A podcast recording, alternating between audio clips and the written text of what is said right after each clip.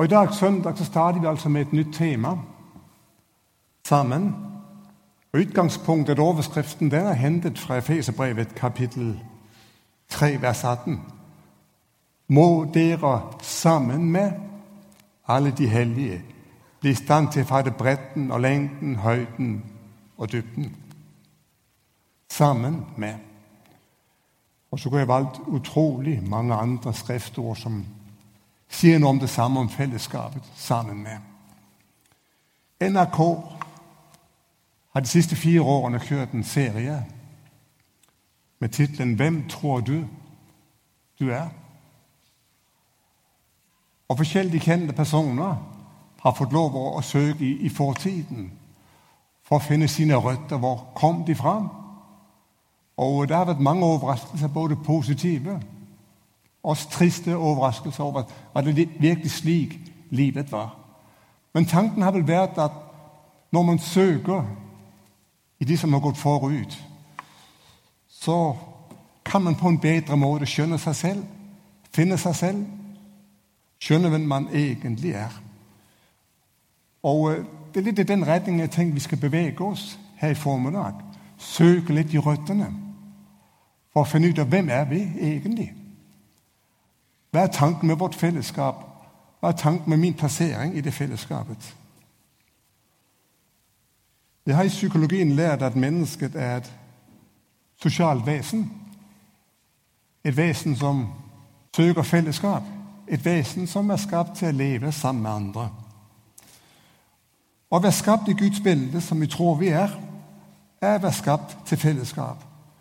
Gud selv lever i et evig fellesskap. Gud Fader, Gud Sønn, Gud Helligånd. Og eh, da han skapte mennesket, så sa han La oss skape mennesket i vårt bilde, til vårt avbilde. La oss. Så å være skapt i Guds bilde er å være skapt til fellesskap, til samfunn. Du er skapt til fellesskap med den treenige Gud, og du er skapt til fellesskap med andre mennesker. Det ligger i dine gener, helt fra skapelsen av. Sammen. Vi fødes inn i et fellesskap. Vi fødes inn i en familie, en slekt, en nasjon. Og ikke nok med det, vi skaper forskjellige typer fellesskaper som har noe med interesser å gjøre, og så mye annet. Men Gud tenkte noe mer med fellesskapet enn bare det vi får til, selv om alt dette er positivt. Vi skal ikke lese så mange sider i Bibelen før vi opplever at det fellesskapet Gud skapte mennesker til å leve i, ble ødelagt av mennesket. Det går ikke så lenge før både Adam og Eva de flykter for det ansvar de hadde for sine egne liv, og skylder på hverandre for det feiltrinn de begikk da de spiste av frukten på treet. Og ikke lenge etter så myrder Kain sin, sin bror Abel. Altså, Det ødelegges utrolig fort. Og man kan tenke var Gud er ferdig med fellesskapet mennesker imellom? Nei. Når han sender Jesus Kristus til verden, så sender han sin sønn for å gjenopprette forholdet mellom mennesket og Gud. Men han sender ham også til verden for å gjenopprette forholdet mennesker imellom. Så vi på ny, også i fellesskapet, kan bære hans bilde, være ham lik og leve ut det han har tenkt for oss. Og Når Jesus begynner sin virksomhet, så går han rundt og sier til kvinner og menn følg meg. Følg meg. Så reiste de seg opp fra sin daglige dont, og så fulgte de Jesus. Ble kjent med ham. Fikk et samfunn med ham. Men samtidig var det jo andre han kalte. Det var ikke bare Peter som fikk lov å gå alene rundt sammen med Jesus. Det var ikke bare Andreas eller Johannes. Men de ble satt inn i en helt ny sammenheng. De skulle leve i et nytt fellesskap med hverandre. Og så aner vi det er ikke så enkelt alltid det her å skulle leve i fellesskap med andre mennesker. På veien mot Jerusalem så går de og diskuterer hvem er egentlig den største av oss her i sammenhengen. Og to brødre de får sin gamle mor til nesten å falle på kne for Jesus for å få den beste plassering i Guds rike. Og når avslutningen nærmer seg, så er Peter her selvsikker. Om alle andre Jesus. Ja, men Johannes, Andreas, Jakob og de andre de svikter deg, Jesus. Stoler du på meg? Det fellesskap valgte Jesus å dø for. Det fellesskapet valgte han å tro på og ha tillit til. Han har så stor tro på at han sa at det finnes ingen makt i verden som kan overvinne menigheten. Det fellesskapet ga han i oppdrag å bringe Guds rike videre og være Guds rikes representanter i denne verden. Han ga dem i oppdrag å gjøre alle folkeslag til disipler. Og selv om det kunne være mye som er ufullkomment, og som fortsatt er ufullkomment, så valgte han å stole på det fellesskapet i denne verden. Så ber han dem holde sammen når han skal forlate dem. Hold sammen. Vend i fellesskap på at Gud skal, eller min far i himmelen, skal innfri de løfter han har gitt dere. Men hold sammen. Og det gjorde de så. De møttes et eller annet sted i Jerusalem. De delte opplevelsene med hverandre, de delte livene med hverandre. De bar sammen. Og samtidig så holdt de fast ved de løfter Gud hadde gitt dem. Og pinsemorgen så skjer det som gjør at det fellesskap blir noe helt, helt nytt i denne verden. Da Gud skapte mennesket, så står det at han formet mennesket av moll eller støv fra jorden. Og så blåste han sin livspust inn i Adam, og han ble en levende skapning. Nå har han i tre år holdt på å samle en ny kropp av kvinner og menn. Det har ikke vært så men han har samlet dem. Pinsemorgen så blåser han sin livsånd inn i det fellesskapet. Og denne kroppen reiser seg opp. Jesu kropp i denne verden. Et helt nytt fellesskap. Ser du bildet for deg? Min kropp, mitt legeme, mitt fellesskap, min menighet.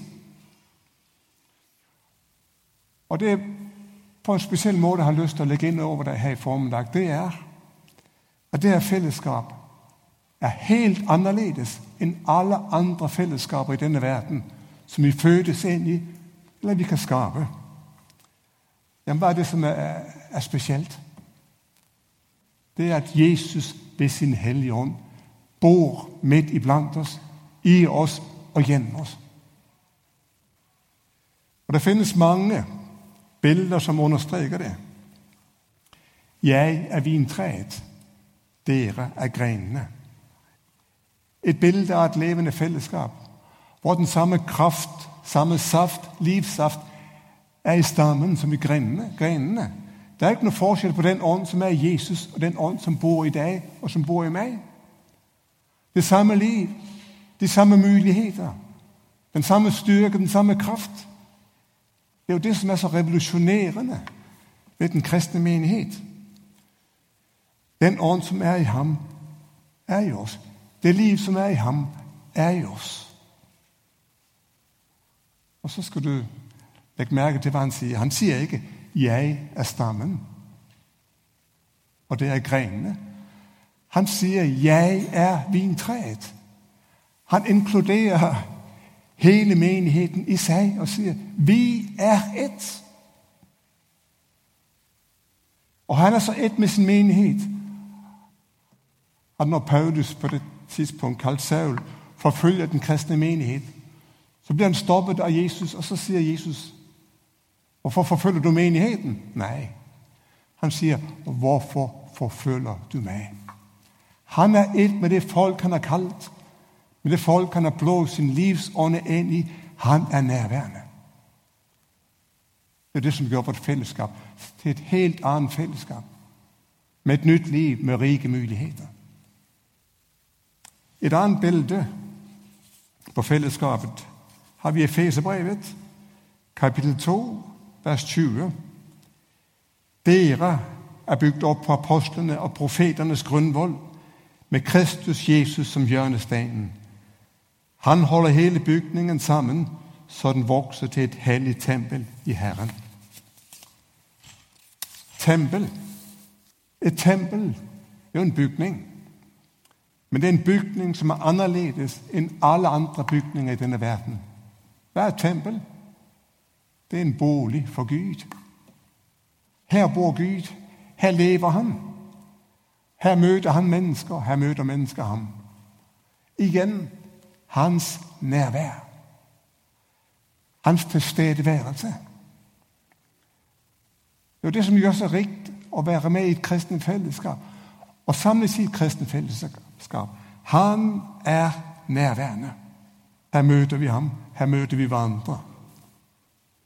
Og så finnes det mange andre bilder på det. Familiefellesskapet, kroppen, folket. Men alle har det samme budskap. Jesus Kristus lever i oss, midt iblant oss og gjennom oss. Sammen med Han og sammen med hverandre. Og i det fellesskapet som han vedkjenner seg, som han er kalt ut fra denne verden, så har alle den samme unike verdi. Paulus skriver det så revolusjonerende i Galaterbrevet. Her er det ikke jøde eller greker. Her er det ikke slave eller fri. Her er det ikke mann og kvinne. Dere er alle én i Kristus. Vi har samme unike verdi. Om vi føler det selv, eller andre ikke føler det, det spiller ingen rolle. Du er verdifull. Du er elsket med den samme kjærlighet. Vi trenger ikke ha noe åndelig mindreverdskomplekser, eller vanlige mindreverdskomplekser i det hele tatt.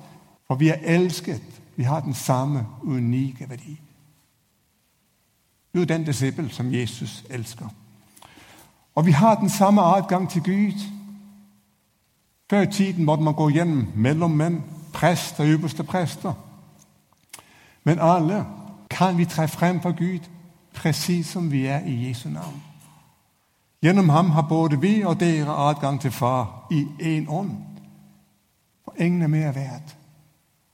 Alltid plass til deg. Og det fellesskap er du skapt til å tilhøre. Du er ikke bare født på ny til å tro, men du er født på ny til å tilhøre Guds menighet.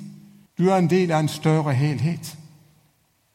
I vår kultur og i vår tid så har troen blitt gjort til en privatsak. Det er noe man har for seg selv. Og vel, jeg tror det finnes mange som har troen også utenfor vårt fellesskap. Vi er ikke satt til å fraskrive troen hos mennesker som ikke går i en menighet eller noe annet. Men det er så viktig at både vi åpner vår favn opp for de mennesker som, som søker Jesus Kristus, og vi sier hjertelig velkommen også i det her fellesskapet. Fordi du trenger det for å leve, for å tjene, for å vokse. Bibelen kjenner ikke til kristne som ikke er med i et fellesskap. John Wesley har sagt at Det nye testamentet kjenner ikke til noen enkeltmannsreligion. Tommeltotten har ikke noen selvstendig eksistens. Den er på hånden, som er på armen, som er på kroppen. Og når jeg definerer meg som en kristen, så er det ikke bare jeg, men vi sier 'vi'. Skjønner du? Å være en kristen det er å tilhøre et fellesskap. Og selve ordet medlemskap er kristen opprinnelse. Å være lem sammen med andre lemmer. Menigheten er Guds agenda i verden. Det er Guds store sak. Jesus gav seg selv for å skape dette folket. Det er det folket han identifiserer seg med og trenger for å leve sitt liv ut i denne verden. Dette fellesskap det finnes overalt hvor det finnes kristne. Og Når vi i Bibelen møter ordet kirke, så tales det egentlig om alle kristne i hele verden. Og Samtidig har vi tanken på at fellesskapet også er en lokal størrelse. Og Det har vi prøvd å, vise i oversettelsen av Bibelen når vi bruker ordet menighet. La meg ta et eksempel. Paulus hilser Guds menighet i Korint. Dere som er hellige i Kristus Jesus, kall til å være hellige. Det nye testamentet forutsetter at man også lever med og hører til i en lokal menighet. I den første menighet så blir man automatisk med i menigheten når man blir kristen. I dag er det kanskje litt annerledes. Det er vel en historisk utvikling som har vært slik. Og det finnes flere forskjellige kirkesamfunn. Og eh, noen har vært her, noen har vært der. Det viktigste det er at man har et fellesskap å identifisere seg med. Et sted hvor man kjenner seg hjemme. Et fellesskap som jeg kjenner som mitt. At jeg tilhører. Og det er det fellesskapet. Det trenger du. Du trenger det for å vokse, for å utvikle deg. Det er et verksted hvor du kan lære uselviskhet. Det er et verksted hvor du kan lære medfølgende kjærlighet. Det er et sted hvor du blir formet, og hvor du ble dannet. Her møter du fullkomne mennesker på vei mot himmelen. Mennesker du kanskje ikke alltid fungerer så bra sammen med. Men også det kan du lære noe av. Overbærenhet tilgivelse. I menigheten får du nåde til oss å utvikle åndelige muskler, bygges opp og bli sterk. Efeserne 4, 16 sier det på den måte. Ut fra ham blir hele kroppen sammenføyd, holdt sammen av hvert bånd, og lett alt etter den oppgave hvert enkelt har fått tilmålt, så kroppen vokser og bygges opp i kjærlighet. Ordet 'vandre' det kom, forekommer over 50 ganger i Det nye testamentet.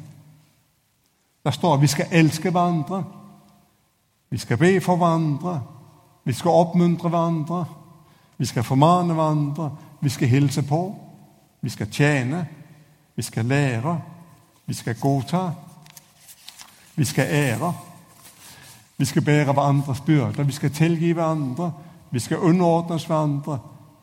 Vi skal hverandre hengitt. Det er en lang ramse. Men vi trenger hverandre for å vokse. Og Det var noe av det den første menighet skjønte. Det var flere steder man skulle være rotfestet. Det var flere steder man skulle hente kraft og næring for det nye livet. Og Vi kjenner det fra Apostlenes gjerninger, kapittel 2, vers 42. Trofast holdt de seg til apostlenes lære og samfunnet, til brødsbrytelsen og bønnene. Eller bønnene, ja. Du trenger Bibelen for å vokse. Du trenger bønnen. Du trenger nattverden. Men du trenger også fellesskapet for å vokse og utvikle deg til det Gud har tenkt for ditt liv, din tjeneste. Og I Salme 92, vers 13, så står det De rettferdige grå som palmer. De vokser som setre på Libanon.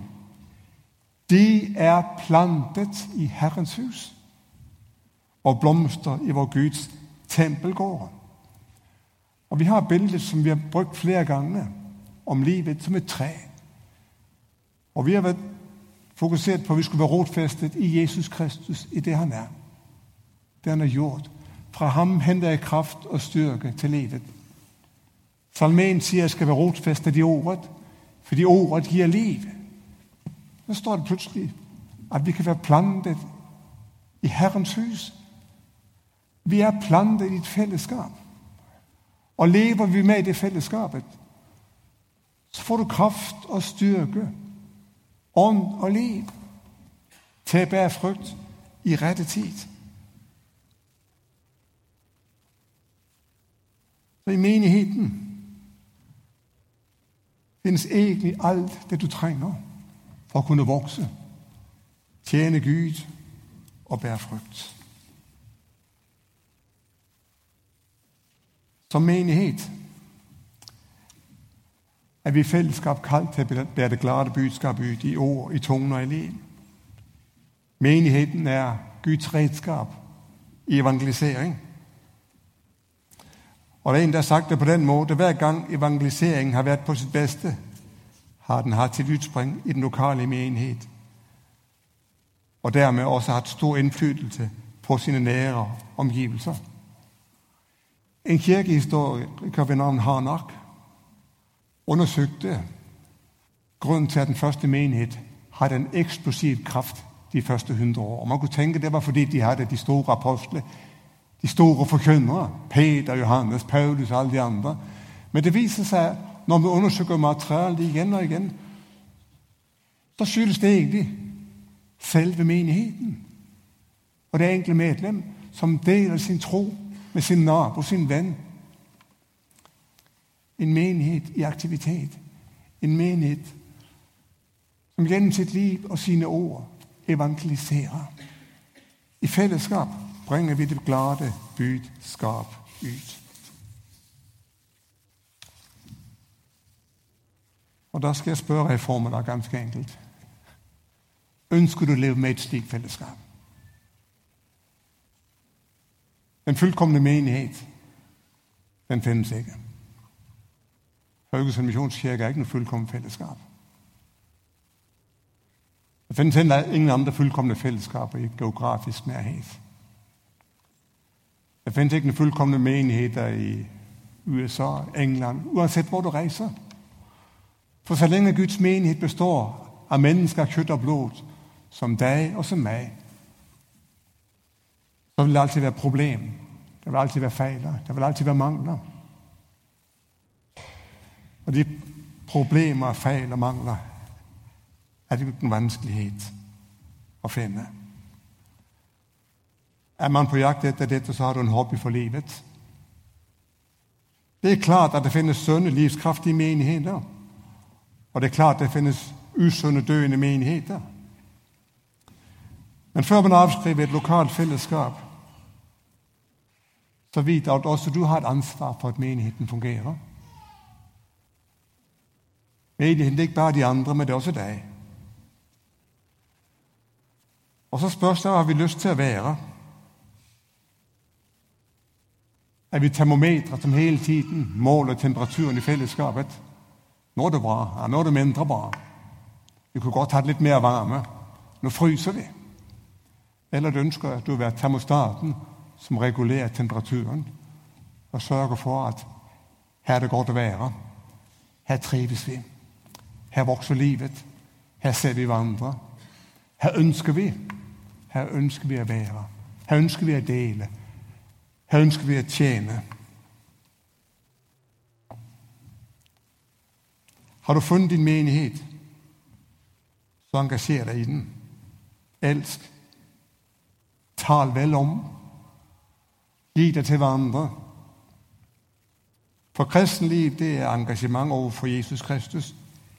Det er engasjement overfor andre kristne. Og det er engasjement overfor de som ennå ikke har lært ham å kjenne.